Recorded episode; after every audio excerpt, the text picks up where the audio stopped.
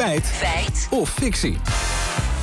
Over Lieke, het, het mooie Nederlandse verenigingsleven. Mhm. Gisteren lekte namelijk uit dat staatssecretaris Van Ooyen nu overweegt om alcohol te verbieden in de kantine van sportverenigingen. En sportmarketeer Chris Woerts die schrijft daar vandaag een woedend stuk over in de Telegraaf. Volgens hem is een alcoholverbod de doodsteek voor sportclubs. En daarna schrijft Woerts: Nederland is een uniek land met een verenigingscultuur die diep geworteld is. In vrijwel geen enkel ander land in de wereld is de sociale cohesie zo gebouwd op het verenigingsleven. Nou, oranjeverenigingen, carnavalsverenigingen, sportverenigingen. We hebben er inderdaad een heleboel. Uh, dus we gaan uitzoeken, ja, is Nederland hier dan zo uniek in? Zeker. We belden eerst met Maarten Prak, hoogleraar sociale geschiedenis aan de Universiteit van Utrecht. En we legden hem de stelling voor.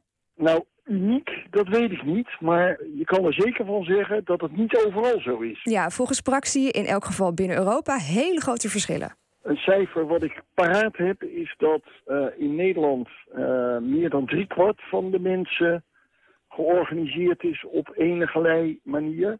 En dat het in Griekenland minder dan 25% is. Dus dat betekent wel dat er echt binnen Europa grote verschillen zijn in dit opzicht. Nou, in vergelijking met Griekenland zijn we dus inderdaad echt een verenigingsland. Maar ja, eh, hoe zit het met de landen om ons heen? Nou, daarvoor belden we even naar de Oosterburen, naar de Duitse correspondent Annette Bierschel.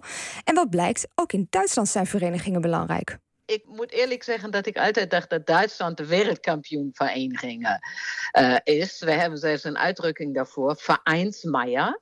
Vereinsmeier, nou, dat is een beetje een negatieve uitdrukking voor iemand die het echt veel te bond maakt en veel te formalistisch doet en uh, zijn hele leven alleen nog maar in verenigingen doorbrengt. Ja, natuurlijk zijn er ook sport- en muziekverenigingen in Duitsland, die zijn ook groot. Maar heel typisch is dat elk dorp in ieder geval wel een schietvereniging en een volkstuinvereniging heeft. Schieten en volkstuin Zeker, in Duitsland. Oké, goed. En de andere landen dan in Europa? Nou, we keken ook even naar Frankrijk. Nick Pas, Frankrijk-kenner, die vertelde ons dat ook de Fransen zich goed weten te organiseren. Het is heel rijk, heel divers. Dus, dus muziek, dans, uh, fanfares, uh, sport. Dat zijn natuurlijk de bekendste. Oh ja, en, en natuurlijk, er is in Frankrijk eigenlijk geen stad of dorp die niet een eigen geschiedenisclub heeft, heemkundevereniging of association die zich bezighoudt met cultureel erfgoed. En dat is natuurlijk ook een manier waarop de Fransen zich uh, organiseren. En uh, die belangstelling voor de eigen cultuur en geschiedenis is altijd heel groot geweest. Ja, pas benadrukt verder dat in veel industriesteden al vanaf de 19e eeuw verenigingen voor arbeiders heel belangrijk waren. Oké, okay, en gaat dan ook de Nederlandse verenigingscultuur zo ver terug? Nou, hou je vast, want volgens hoogleraar Maarten Prak is die zelfs nog ouder.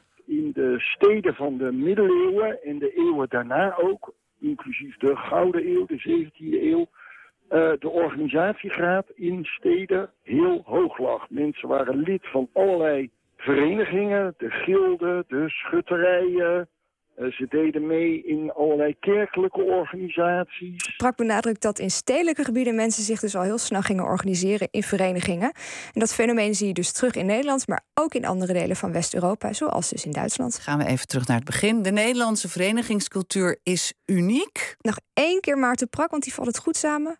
In dat opzicht is het uh, citaat, uh, laten we zeggen, half waar en misschien ook een klein beetje nou ja, uh, te sterk aangezet. In de zin dat het niet een puur Nederlands fenomeen is. Ja, West-Europa is dus wel uniek, maar Nederland niet. Dus we beoordelen het als fictie. Oké. Okay.